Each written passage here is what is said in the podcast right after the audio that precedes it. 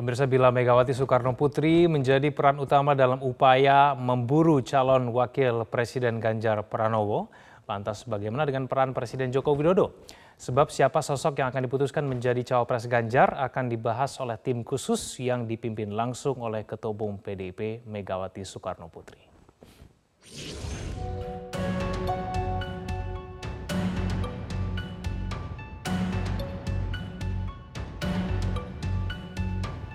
Presiden Joko Widodo sepertinya tidak akan banyak berperan dalam menentukan figur pendamping Ganjar Pranowo. Sebab siapa sosok yang akan diputuskan menjadi cawapres Ganjar akan dibahas oleh tim khusus yang dipimpin langsung oleh Ketua Umum PDI Perjuangan Megawati Soekarno Putri.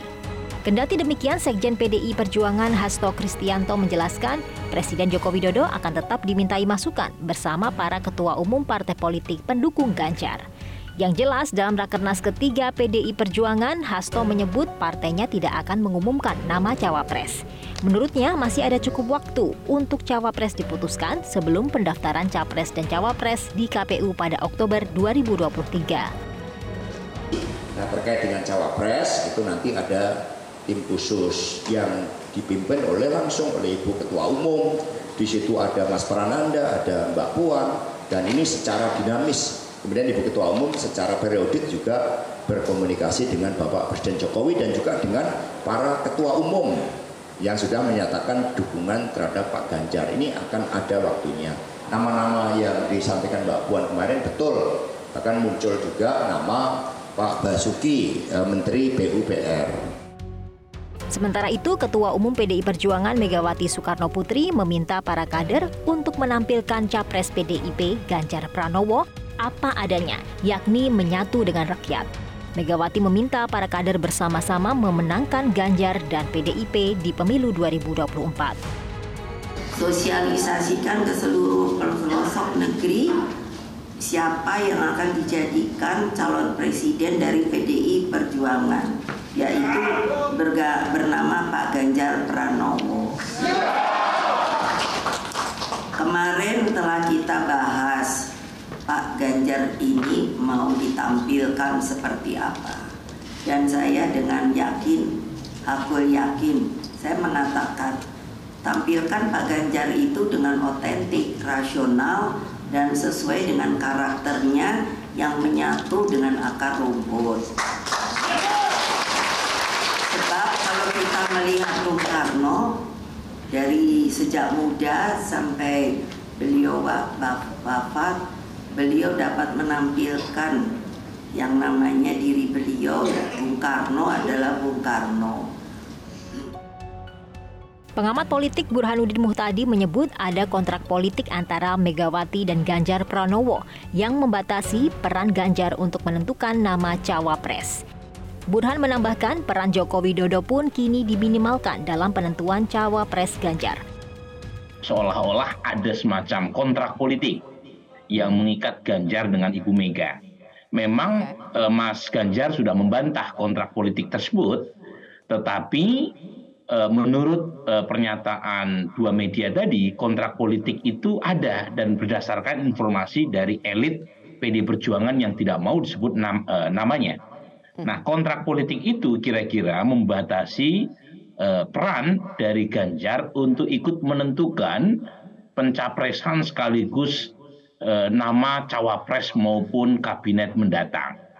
Nah ini yang kemudian dianggap membuat hubungan kedua tokoh eh, penting ini menjadi agak renggang. Meskipun kemudian dalam acara Rakernas kemarin itu ada semacam redemonstrasi keakraban.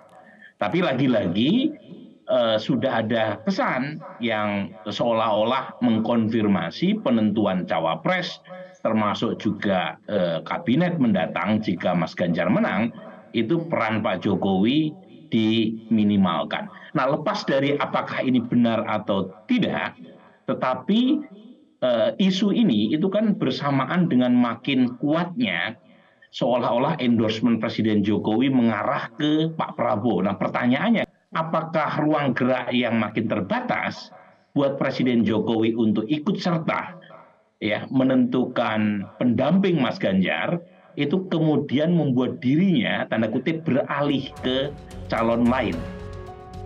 Menurut Burhanuddin ada banyak pertimbangan yang menegaskan tidak mudah menentukan capres-cawapres bahkan bagi PDI Perjuangan sebagai sebuah partai yang punya golden ticket untuk menominasikan capres-cawapres tanpa harus berkoalisi dengan siapa pun. Sepuluh nama bakal calon wakil presiden sudah dikantongi untuk dijodohkan dengan bakal calon presiden PDIP Ganjar Pranowo.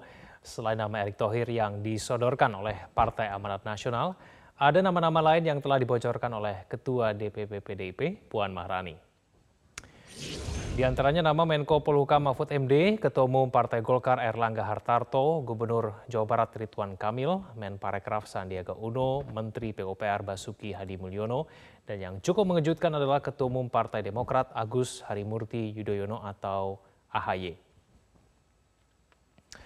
Selain nama-nama tadi, sebelumnya juga sempat mengemuka nama Imam Besar Masjid Istiqlal Nazaruddin Umar. Mantan Wakil Menteri Agama itu pun sudah buka suara terkait dengan wacana namanya masuk ke dalam bursa Cawapres Ganjar.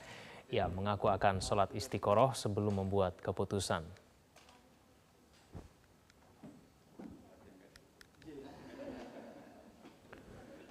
Teman sekalian, para jurnalis.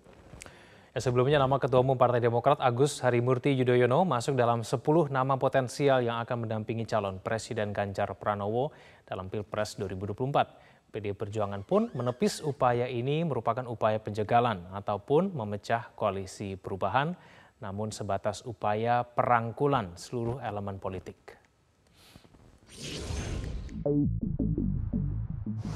Pencawapresan nama kan banyak, sudah 10 kalau boleh saya sebut yang ada di media Pak Mahfud sudah masuk namanya Pak Erick Thohir, Pak Ridwan Kamil, Pak Sandiaga Uno, kemudian ada Pak AHY, ya kan?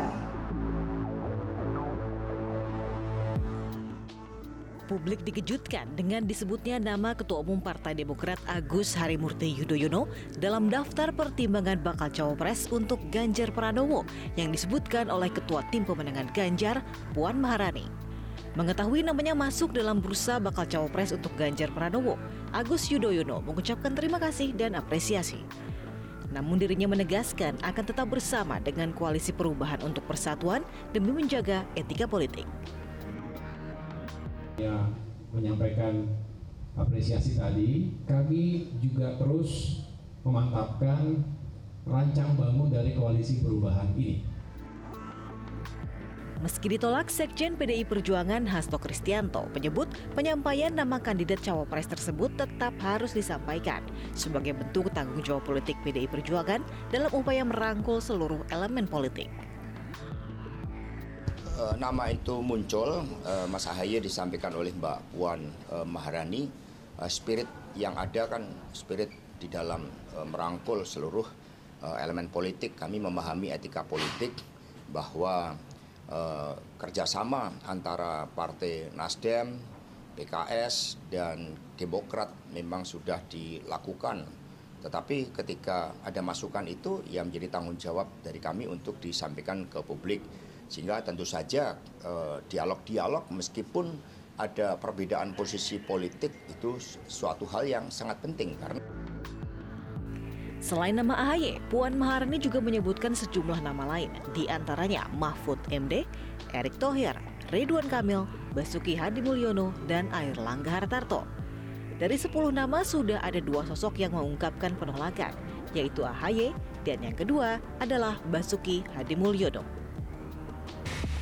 Politikus Partai Demokrat Herman Kairon mengakui banyak pihak yang tak menginginkan koalisi perubahan untuk persatuan dapat realisasi. Herman menyebutkan banyak dinamika yang terjadi agar Anies gagal berlayar di 2024, mulai dari ancaman terhadap Anies ataupun upaya menarik partai-partai dalam koalisi perubahan.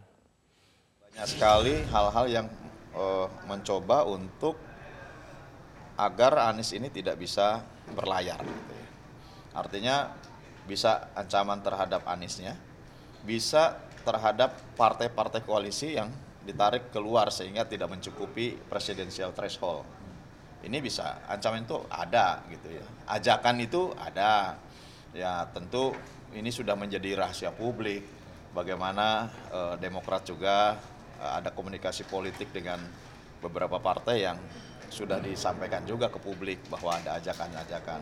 Tetapi niat dan keinginan Partai Demokrat bersama dengan Partai Koalisi untuk melakukan perubahan yang lebih baik terhadap negeri ini tentu ada.